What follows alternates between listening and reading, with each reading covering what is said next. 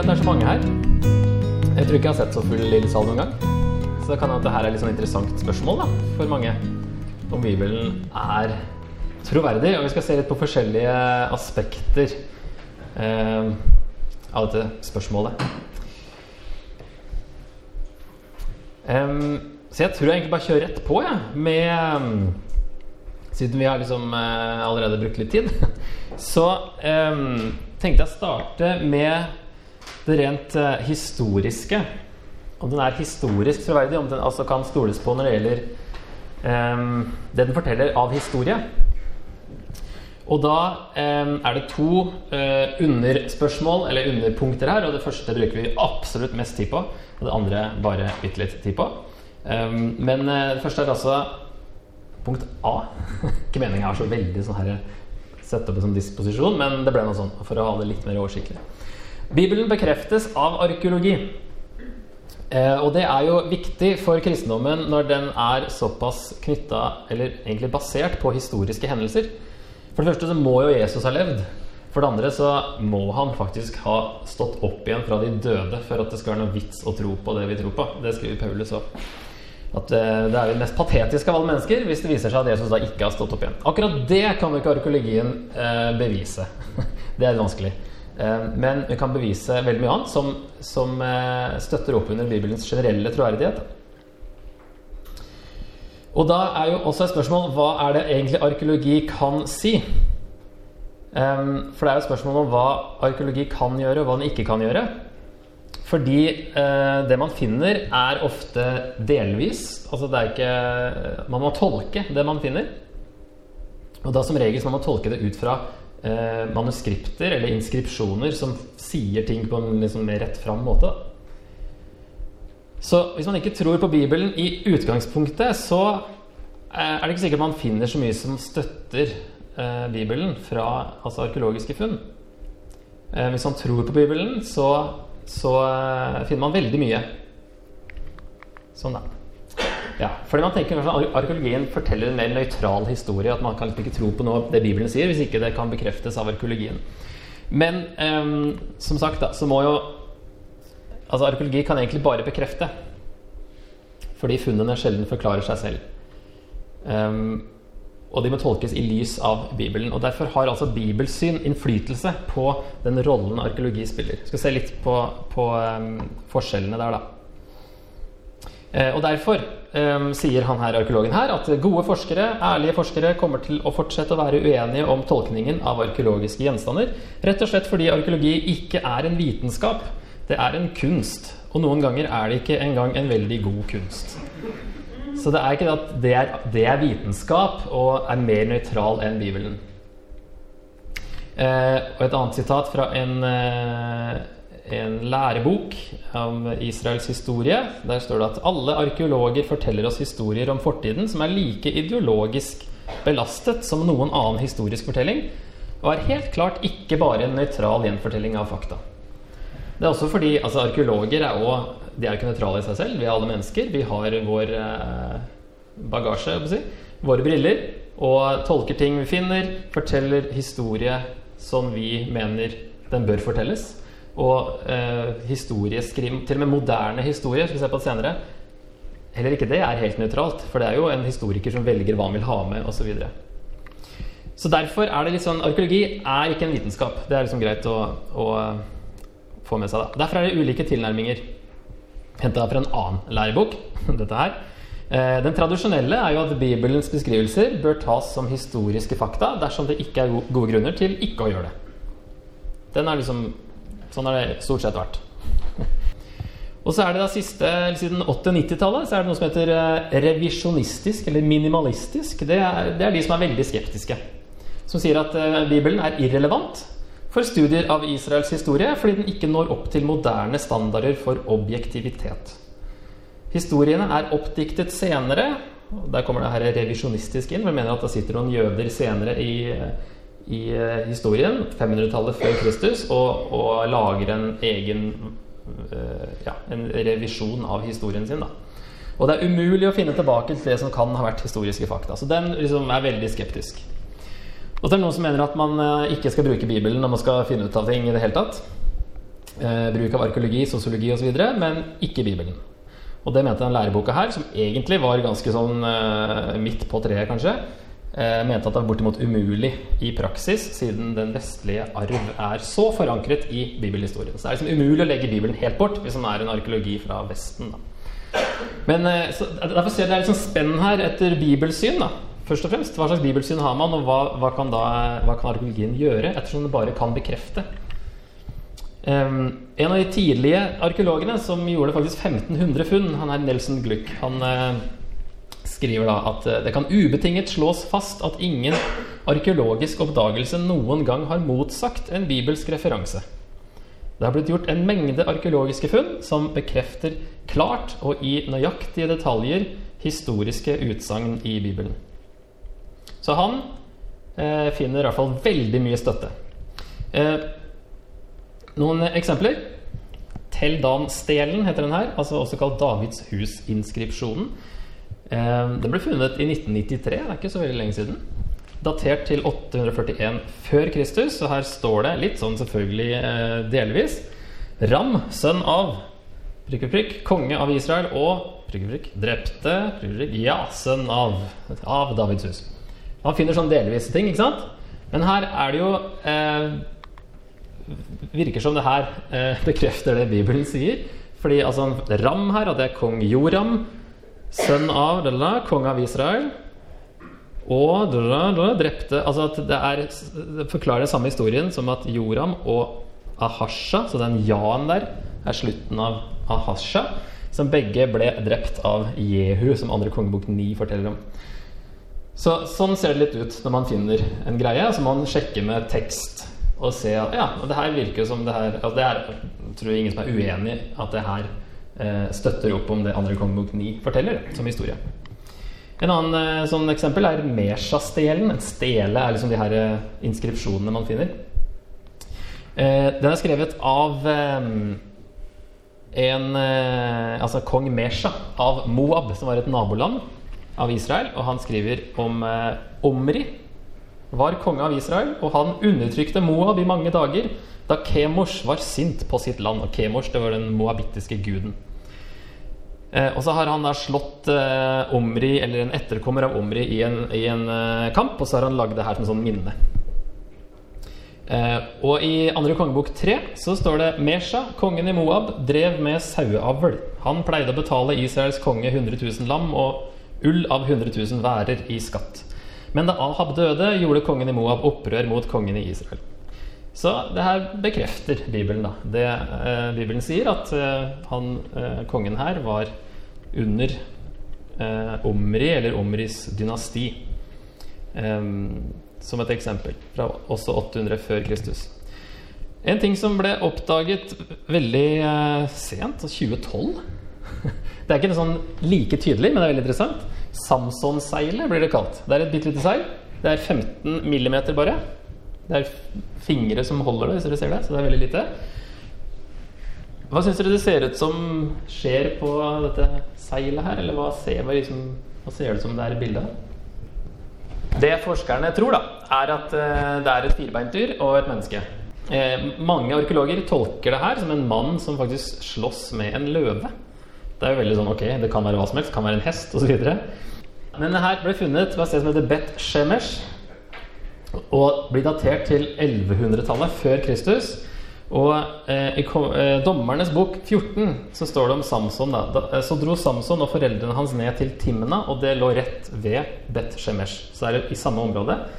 Da de nådde vinmarkene utenfor byen, kom en ung løve brølende mot ham. Da kom Herrens ånd over ham, og han rev løven i stykker med bare nevene som om han rev et kje. Står det her. Så det her er ikke noe som bekrefter eller beviser at det skjedde, men det er interessant at det er funnet i samme område fra samme tidsperiode og muligens da samme historie. Eh, som sagt, det er ikke et bevis, men det støtter opp om en sånn generell troverdighet. Det, er, det er mulig at det skjedde, da når man har funnet da samme område, samme tidsperiode osv. Så, videre. så er det kanskje mulig at det, her, at det var en historie om en mann som hadde faktisk drept en løve med bare hendene, og så noen som har eh, inngravert det. da. En annen eh, av de tidligere arkeologene, William Albright, sier derfor da at oppdagelse etter oppdagelse har bekreftet nøyaktigheten av utallige detaljer og har gitt økt anerkjennelse av Bibelens verdi som en historisk kilde. Og Når det gjelder Nytestamentet, så er det en som heter William Ramsay, som var første professor i klassisk arkeologi ved Oxford, som sier om Lukas, som skriver da både Lukas' evangeliet og apostlenes gjerninger. Lukas er en førsteklasses historiker. Ikke bare er hans faktautsagn troverdige. Denne forfatteren burde bli plassert sammen med de aller største historikerne. Lukas' historie er i særklasse når det gjelder dens troverdighet. Og han har i tillegg med veldig mange detaljer som har vist seg å stemme som er helt irrelevante for historien, men som er med fordi det var historieskriving. da. Og så her om dagen så fant jeg en liten sånn uh, artig bekreftelse i uh, Donald, faktisk. Her står det Der finner jeg en inskripsjon. står det 'Jeg, farao, gir disse gruver til min datters mann. De er hans for alltid'. Er dette så viktig å vite, da? Datterens mann var kong Salomo. Og det passer med første kongebok tre. Der står det Salomo ble svigersønn til farao, kongen i Egypt. Han giftet seg med faraos datter og førte henne til Davidsbyen til han eh, fikk bygd ferdig sitt eget hus, Herrens hus, og muren omkring Jerusalem. Så får du litt sånn fra forskjellige vinkler. Og det har jo vist seg at Bibelen hadde rett noen ganger når Bibelen var det eneste som påsto en ting. Um, som, da ikke kunne, som han ikke hadde funnet noe støtte for andre steder. F.eks. han her, Sargon den andre av Assyria, en asyrerkonge som regjerte på 700-tallet. Dette er altså regjeringstida hans, ikke når han levde. Um, og det, nevnes bare i forbifarten i Jesaja 20, der det står som en innledning til en helt annen historie. Så står det i det året Ashtod ble angrepet og inntatt av en hærfører som asyrerkongen Sargon hadde sendt ut. Uh, og så fant man da en inskripsjon med asyriske konger der han ikke var nevnt, han Sargon den andre. Og da trodde man da at Bibelen tok feil. Inntil 1842 så fant man hele palasset til han her Sargon den andre. Og der var også denne erobringen av Ashtod faktisk inngravert på en vegg. Så selv om da Bibelen var den eneste som lenge hevda at nei, han har levd, denne Sargon, så, så, måtte det liksom gå ganske lang tid før man hadde det i noen andre kilder som da kunne bekrefte det. Og hver gang eh, Gammeltestamentet nevner en asyrisk konge, så har det vist seg å stemme da, når man har funnet i andre eh, kilder. Annet sånt eksempel er eh, han som i Daniel 5 er Belsasar. Siste kongen av Babylon, ifølge Daniel 5, da, sønn av Nebukadnesar. Det er han som ser skriften på veggen. Det er vel Rembrandt som har mala det her. Eh, skriften på veggen er ganske sånn negativt eh, i denne historien, og vi bruker det som en sånn, litt sånn positiv eh, uttrykk. Men det er, det er domsord han får på veggen her, da. I andre kilder så er det Nabonidus som er sønn av Nebukadnesar, og som var Babylons siste konge. Da hadde man en sånn motsetning her. Og trodde at Bibelen hadde funnet på han Belsasar. Men så fant man da i 1854 en inskripsjon der Belsasar nevnes som eldste sønn av Nabonidus. Altså han var sønnesønn, eller i hvert fall to ledd unna Nebukadnesar. Eh, og det er ikke noe feil i Bibels, Bibelens språk, fordi bestefar eller sønnesønn brukes aldri på bibelhebraisk. De hadde ikke det ordet. Sånn at eh, når det snakkes om at eh, Nebukadnesar, din far, sier det da til han kongen her, så er det, kan, det kan være mange ledd bakover i bibelspråk. Både gresk og hebraisk så er det et uvisst antall generasjoner som uansett far. Så derfor er ikke det feil. Og så har man da funnet at det var en sånn eh, samstyring mellom far og sønn her, fordi han Abonidus han var eh, dratt langt vekk i et eksil. Eh, drev med litt andre ting på slutten av regjeringstida der. Og det var hans sønnen da Belsazar som styrte i Babylon. Derfor nevnes han da som, som konge. Og kanskje derfor òg Daniel får tilbud om å bli nummer tre i kongeriket. Det skal bli liksom den tredje høyeste. Fordi det er allerede to over. Du kan ikke bli si, nummer to, for det finnes faktisk to konger på den tida her. Herske som tredjemann i riket, står det. Og her er bildet av den sylinderen som de fant, da, der det står at Nabonidus har skrevet eh, og nevner da sin egen sønn her, Belshazzar, som det står på engelsk. Eh, min eldste sønn, står det. Så fant man ok, han hadde, Belshazzar har faktisk eh, eksistert. Og så skjønte man litt mer om den tegningen. Et annet spørsmål da, som ofte kommer opp, er jo et sånn men-spørsmål. Hvorfor har det ikke blitt funnet et eneste spor etter israelsfolket i ørkenen? Og da er det sånn der eh, motto, eller slagord, så når det gjelder eh, arkeologi, det er jo da at fravær av bevis er ikke bevis på fravær. Uh, the evidence of absence Nei, absence, nei, nei, absence of evidence is not evidence of absence. Litt bedre på engelsk. Um, så det er jo ikke egentlig arkeologi å konkludere ut, ut, fra noe man ikke finner. Du må finne noe for at du skal tolke det. Uh, det kan være masse grunner til at du ikke finner en ting. Og da er det litt sånn vanskelig å konkludere. Spørsmålet er da hvor mye vi kan forvente å finne etter et nomadisk folk i en ødemark flere tusen år senere, når vi ikke engang vet hvor de dro, og hvor mange de var. Eh, de her Tallene som oppgis i Bibelen, er litt vanskelige fordi ordet for tusen også kan bety enhet eller tropp.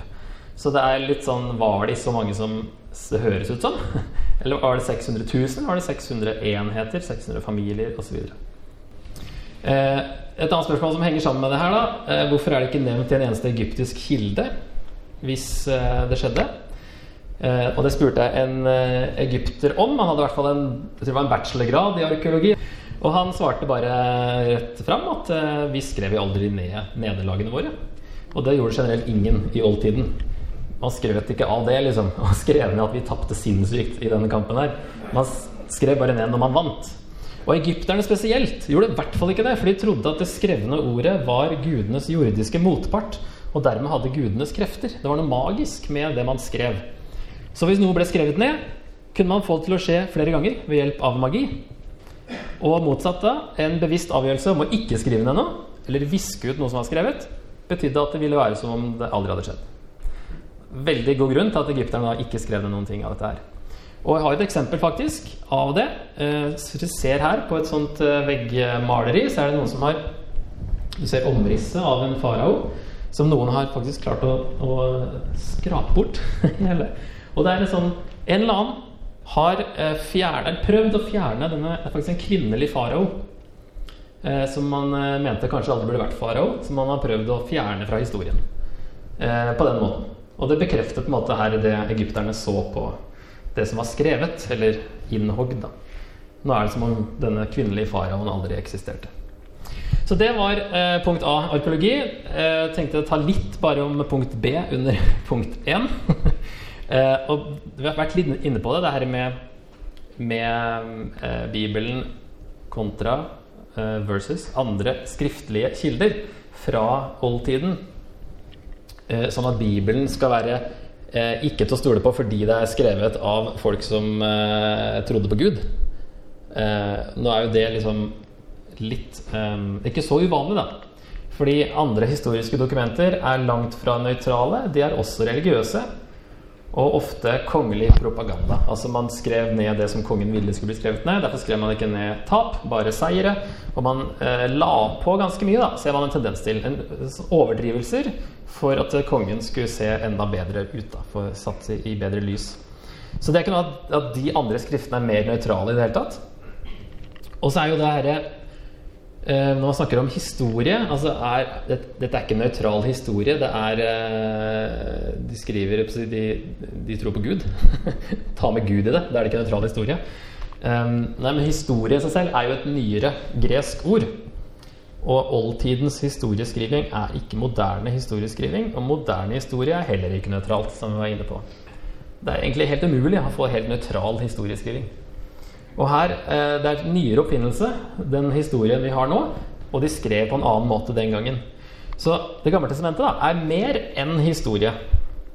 Fordi hendelsene beskrives som historiske fakta, men de teologiske tolkningene er like viktige. Så det er jo kaller det for teologisk historie. Eh, jeg kan gjerne si at den ikke er nøytral, men som sagt, alle eh, Det var ingen ateister den gangen.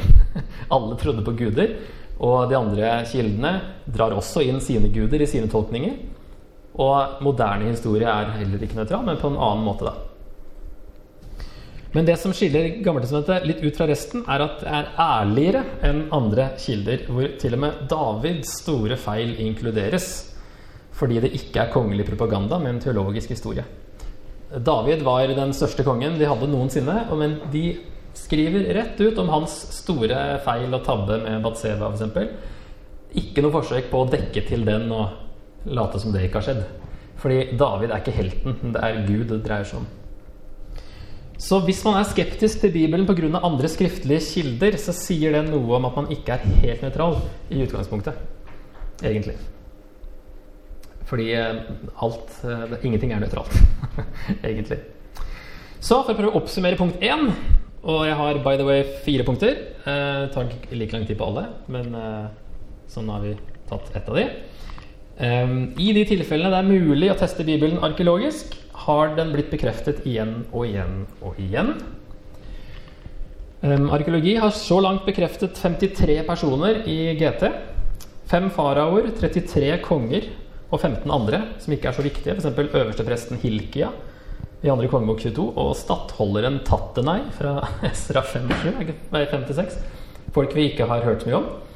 Også mange personer i Nytestamentet, bl.a. Eh, Korints regnskapsfører Erastus, som nevnes så vidt i Romerne 1623. Bare sånn er det helt irrelevant for historien, men uh, som man har funnet uh, bevis for at ja, her er det en Erastus som tydeligvis hadde en sånn jobb i Korint. Og som sagt da, GT er ærligere enn alle samtidige kilder, noe som øker troverdigheten. Og Legender bryr seg ikke om korrekte detaljer, mens irrelevante detaljer i evangeliene har blitt bevist som historisk nøyaktige. Ok, Vi går til punkt to, som også kanskje mange har tenkt eller lurt på. Har innholdet blitt endret over tid? For det er noen sånne myter ute og går, da. En eh, skeptiker som heter Bart Ehrman, han eh, har sagt Jeg mener at det ikke er noen tvil om at Bibelen er full av menneskelige feil. Kopiene som vi har, er forandret av skriftlærde. Ingen kan tvile på dette. Alt du trenger å gjøre, er å ta to manuskripter og sammenligne dem med hverandre, og de er forskjellige. Hundrevis, kanskje tusenvis av steder. Og de forskjellene Det er faktisk 400 000 ulikheter i et Nytestamentet med ca. 134 000 ord. Det høres jo helt enormt uh, dårlig ut. Ca. 99% av de ulikhetene det er ulikheter av staving av ord. Man hadde ingen ordbøker den gangen. Man stavet ord på forskjellige eh, måter. Og det går et rykte om at eh, Shakespeare, så sent som da 1600-tallet, eh, skrev sitt eget navn på 20 forskjellige måter. Så det er ikke før veldig nylig at vi har liksom, dette er måten å skrive det på. Og det er feil hvis du skriver på en annen måte. Derfor kan man stave ord forskjellig. Derfor er det en del av forskjellene. Rekkefølgen av ord når det gjelder gresk, da, så er jo det kasusspråk, så rekkefølgen er ikke så viktig. Du får samme mening uansett. Fordi er, På norsk så er rekkefølgen viktig. Hunden biter mannen, eller mannen biter hunden. Eh, på gresk er det ikke noe vanskelig, fordi du ser hvem som blir bitt uansett. Bestemte artikler kan brukes eller ikke brukes. Det står av og til Jesus eller Jesusen, uten at det endrer noe mening. Og mange språk i dag òg har jo ikke bestemte artikler. Og det ser ut til å funke fint da, på de andre språkene, selv om vi syns det er veldig rart og blir uklart. og sånne ting Men her er det sånn litt både og på gresk. da Og det her er jo usynlig i oversettelser. 99% er usynlig. Det er nesten alltid mulig å avgjøre den opprinnelige teksten når det er sånne ulikheter, og hvis det helt tatt spiller noen rolle. Og de fleste manuskriptene er identiske i mer enn tre fjerdedeler av teksten. Og han Bart Ehrman eh, sjøl sier òg at de fleste av disse ulikhetene som vi har i manuskriptene våre, er fullstendig ubetydelige, uviktige og betyr ingen verdens ting. Så det syns han også. Um, og de antall manuskripter uh, når Det finnes, altså det er mange ulikheter, fordi det fins veldig mange manuskripter. Hvis du ser på den oversikten her, så er det um, mange andre kjente verk fra oldtiden. Antall kopier i første kolonne Du ser allerede der at de greske manuskriptene av Nytestamentet ligger langt foran resten. Uh, neste når det er skrevet.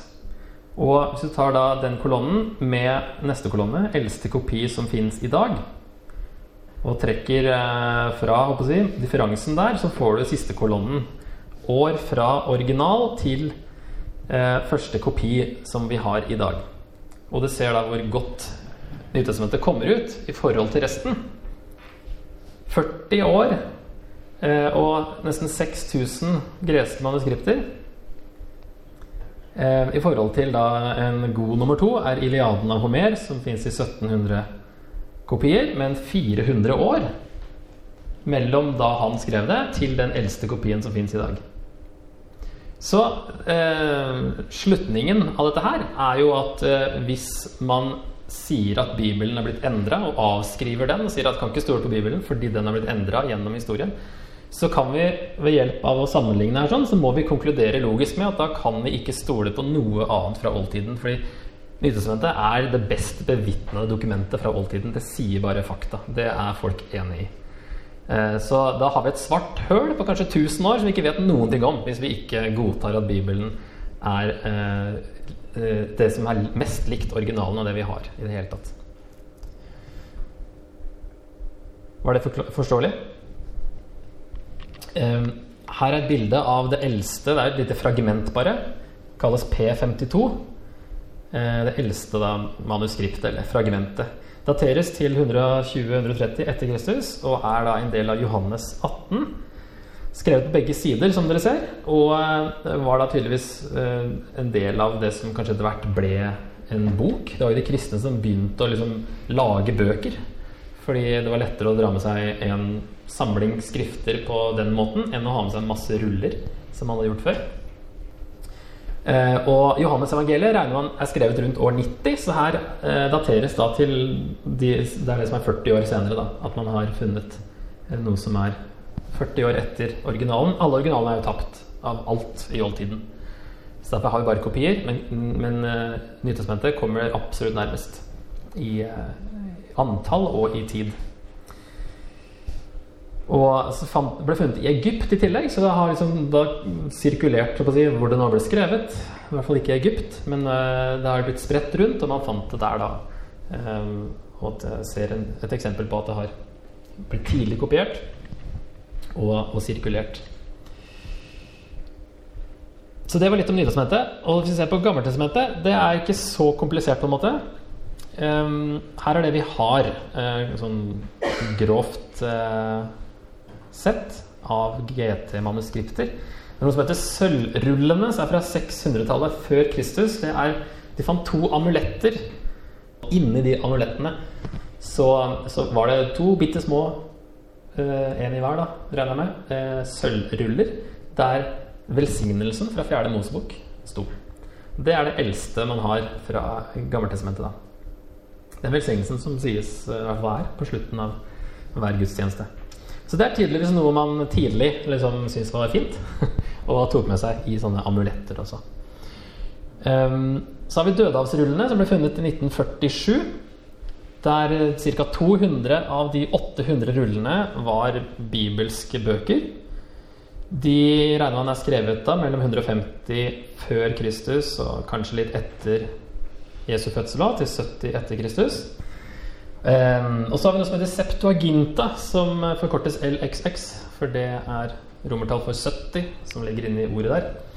Um, skrevet, altså Det er en, en, gresk oversettelse av Gammeltestamentet, som er fra eh, 300 til 100 før Kristus, og er eh, komplett fra 4. århundre etter Kristus, men har noen fragmenter fra 200, eller andre århundre før Kristus. Det er jo da oversatt fra en hebraisk tekst som man prøver å rekonstruere. Og det er altså en oversettelse som er like gammel eller eldre enn den eldste hebraiske vi har, som er grunnlaget for eh, vårt GT. Skal se litt på det der eh, nå straks. Og nå blir det litt sånn teknisk akkurat nå med den Septuaginta. Hvor mange er det som har hørt den i det hele tatt? Ja, noen. Fordi, eh, altså En ting er hvis du slår opp et gammeltestamentlig sitat i Nytestamentet, så er det ikke alltid det stemmer med vårt gammeltestamente, fordi de bruker den greske oversettelsen. Fordi de snakka, og Paulus spesielt, skrev til folk som snakka gresk, og brukte denne oversettelsen. Og da er det ganske naturlig at de brukte samme utgave, på en måte. Um, så det, Derfor er det ikke alltid det stemmer overens. Uh, vi har den her Septuaginta Um, som brukes faktisk som Gammeltestamentet i den ortodokse kirke. Så derfor kan det være litt sånn annerledes der. Um, det er altså en gresk oversettelse, men som er like gammel eller eldre enn de hebraiske GT-manuskriptene, som kalles da Det var det siste Vi kommer tilbake til i stad, den der, eh, her masoretiske teksten fra 100 etter Kristus. Det er den første komplette som vi har, er fra 1008 etter Kristus. Og forresten, da de fant dødehavsrullene, så bekrefta de at det ikke har skjedd noe særlig forandringer fra Jesu tid til 1008. Den, eh, den samlingen av GT som vi hadde da, fra 1008, var utrolig lik det de fant i dødesrullene. Så har de fått sett at de har ikke forandra seg noe særlig. Men spørsmålet er med denne Septuaginta, som er faktisk Altså, den er muligens litt eldre. Ikke sikkert det er et problem for noen her, men jeg tenkte å ta med en liten slide på den. For det er uvisst um, hvilken tekst um, som er eldst. For det ligger en annen hebraisk tekst bak den greske oversettelsen. Litt annen. Det er ikke noe sånn voldsomt forskjellig, men det er litt annen forskjell. Det er litt forskjellig. Um, men spørsmålet er da er det en annen tekst, da, eller skyldes det mest tolkninger i oversettelsen? F.eks. Jesaja 42, 42,1 så tolkes det det avsnittet som eh, i Nytestamentet forstås som Jesus, Messias. Det, det, det forstås som Israel og, og, sånt i Septuaginta. Så er det en tolkning, eller var det en annen tekst? Det er sånne spørsmål som man da må ta stilling til. Annet spørsmål er hvorfor er Jeremia en sjuendedel kortere i denne Septuaginta? Det kan ha vært en tidligere utgave. Eh, og i Jeremia 36, 32 så står det at Jeremia Han hadde skrevet ned alle profetiene sine. Og så fikk, ga han eh, til kongen, eller var det noen andre som hørte profetiene. Mente at kongen måtte høre det her. Kongen tror ikke på det og ødelegger hele rullen. Og så står det at Jeremia gikk og skrev alt en gang til, og enda mer. Og da er mulig han gjorde det flere ganger, at det fantes da i forskjellige utgaver, ettersom det kom flere profetier senere.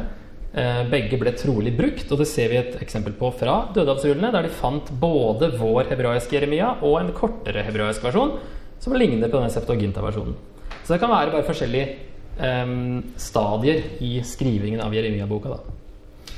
Og så er det jo nyttig som et såkalt tekstvitne. Beklager om det blir litt sånn, litt sånn uh, språklig uh, vanskelig akkurat nå, kanskje. Men man snakker om tekstvitner. Altså det er disse dokumentene som kan, eller manuskriptene som kan hjelpe oss til å finne tilbake til opprinnelige teksten. For det brukes av og til i oversettelsene der vår hebraiske tekst er vanskelig. F.eks. i Isaiah 53 om Herrens lidende tjener, så står det at han, skal, altså han dør, står det. Han tar på seg våre synder og skyld og lovbrudd og sånne ting. Han blir lagt i en rik manns grav.